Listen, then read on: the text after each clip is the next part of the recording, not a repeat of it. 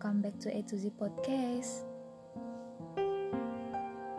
Kalian pernah ngerasain gak sih berada di titik paling down dalam hidup kalian?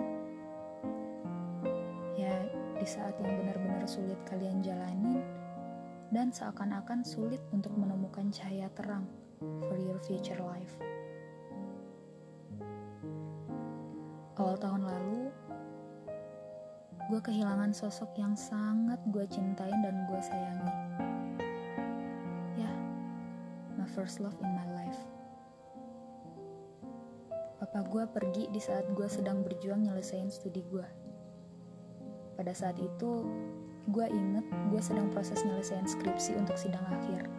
Tapi, sebelum gue daftar sidang dan sebelum skripsi gue kelar, papa udah pergi duluan ya gue benar-benar down pada saat itu dan gak mikirin skripsi sama sekali lagi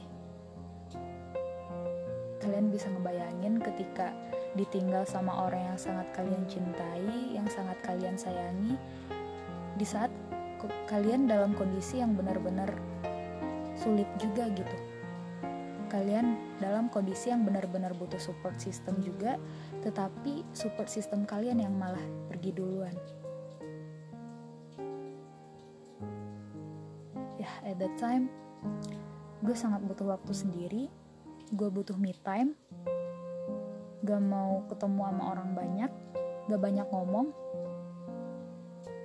dan gue cuma mau ngumpul bareng temen. Cuma itu yang gue mau pada saat itu. Ya pokoknya cuma mau ngumpul bareng temen ngobrol bareng temen canda-candaan bareng. Cuma itu yang bisa buat gue enjoy pada saat itu dan gue nggak ngelanjutin skripsi lagi. Gue nggak mikirin skripsi lagi. Padahal orang-orang terdekat gue mama gue abang gue dan orang-orang sekitar gue juga udah memberikan support yang maksimal nyemangatin gue motivasi gue buat bisa bangkit lagi bisa ngerjain tanggung jawab gue lagi bisa ngelanjutin si skripsi ini lagi. Tapi ya bagaimana ya karena kondisi gue pada saat itu memang belum belum uh, terlalu baik gitu ya. Dan gue belum punya niat dan kemauan buat ngelanjutin si skripsi ini. Yaudah gue biarin aja dulu tuh si skripsi. Gue cuma butuh ngumpul bareng temen dan sekedar ngobrol-ngobrol asik bareng teman doang pada saat itu.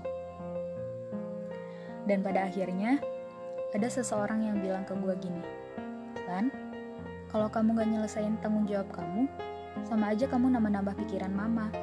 Sedangkan mama itu sekarang juga dalam proses untuk bangkit lagi. Ngedengerin itu gue langsung, wah gitu lah. Kata-kata itu kayak langsung nancep ke hati gue, dan gue mikir, oh iya ya, kalau gue gak nyelesain tanggung jawab gue, sama aja gue bikin mama sedih, dan gue gak mau itu terjadi. Mama juga pernah bilang kayak gini, kan? Papa gak ninggalin kita harta dalam bentuk materi, tapi papa ninggalin kita harta dalam bentuk ilmu. Jadi nak, kalau kondisi kamu sudah tenang, tolong selesaiin tanggung jawab kamu ya, biar apa yang ditinggalin papa itu bisa nemenin kamu di mana pun dan kapan pun. Seketika gue langsung berkaca-kaca dan gak tahu mau ngomong apa. Kata-kata itu bener-bener nancap ke hati gue dan seketika gue mikir, ya berarti gue gak bisa gini-gini terus. Gue gak bisa stuck di sini terus. Gue harus mulai bergerak lagi, gue harus mulai bangkit lagi, nyelesain tanggung jawab gue, nempatin janji gue, biar papa bangga dan bisa tersenyum. Itu yang gue pegang dan itu yang gue tanemin dalam hati dan pikiran gue sampai sekarang. Dan pada akhirnya, alhamdulillah, gue bisa bangkit lagi, bisa survive lagi. Dan kalau kata pembimbing gue pada saat itu, gue sudah on track lagi, katanya. Jujur, gue gak nyangka gue bisa keluar dalam situasi yang sangat sulit itu. Dan bisa nyelesain tanggung jawab gue pada situasi yang gak pernah gue bayangin sebelumnya.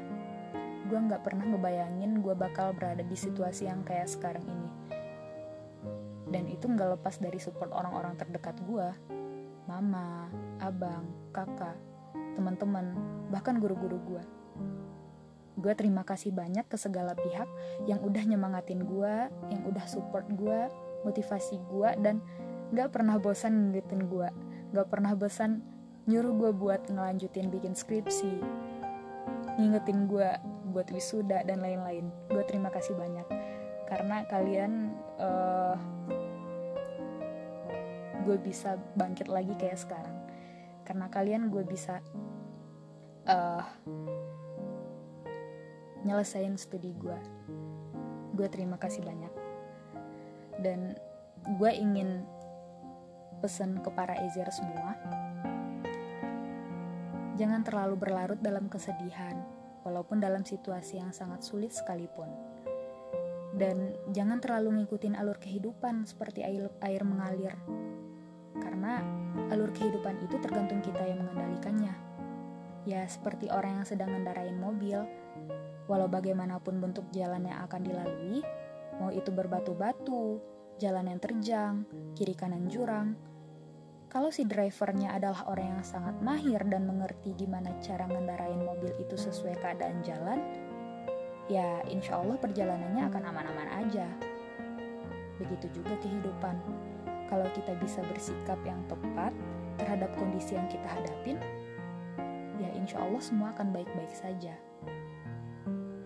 Dan yang terakhir dan yang terpenting, jangan sia-siain orang yang kalian cintai ya. Sayangilah mereka setulus hati kalian, selagi mereka masih berada di dekat kalian. Peluklah dan ciumlah mereka selagi masih ada waktu, karena waktu tidak akan pernah bisa kembali mungkin uh, episode ini agak mellow sedikit karena gue cuma pengen nge-share pengalaman gue. Ya, dan gue berharap dari pengalaman gue itu bisa uh, diambil pelajarannya lah bagi yang mendengarkan. Semoga bisa diambil hikmah bisa bermanfaat bagi yang mendengarkan. Ya mungkin uh, episode ini segitu dulu aja. Uh, gue berharap podcast-podcast gue ke depannya bisa memberikan manfaat bagi kalian semua, bagi orang yang mendengarkan dan juga bagi gue sendiri. Dan gue sekali lagi mohon kritik dan sarannya. Kalau misalkan ada kesalahan-kesalahan dalam podcast gue ini. Oke, okay, stay tune terus ya. See you in the next episode. Bye-bye.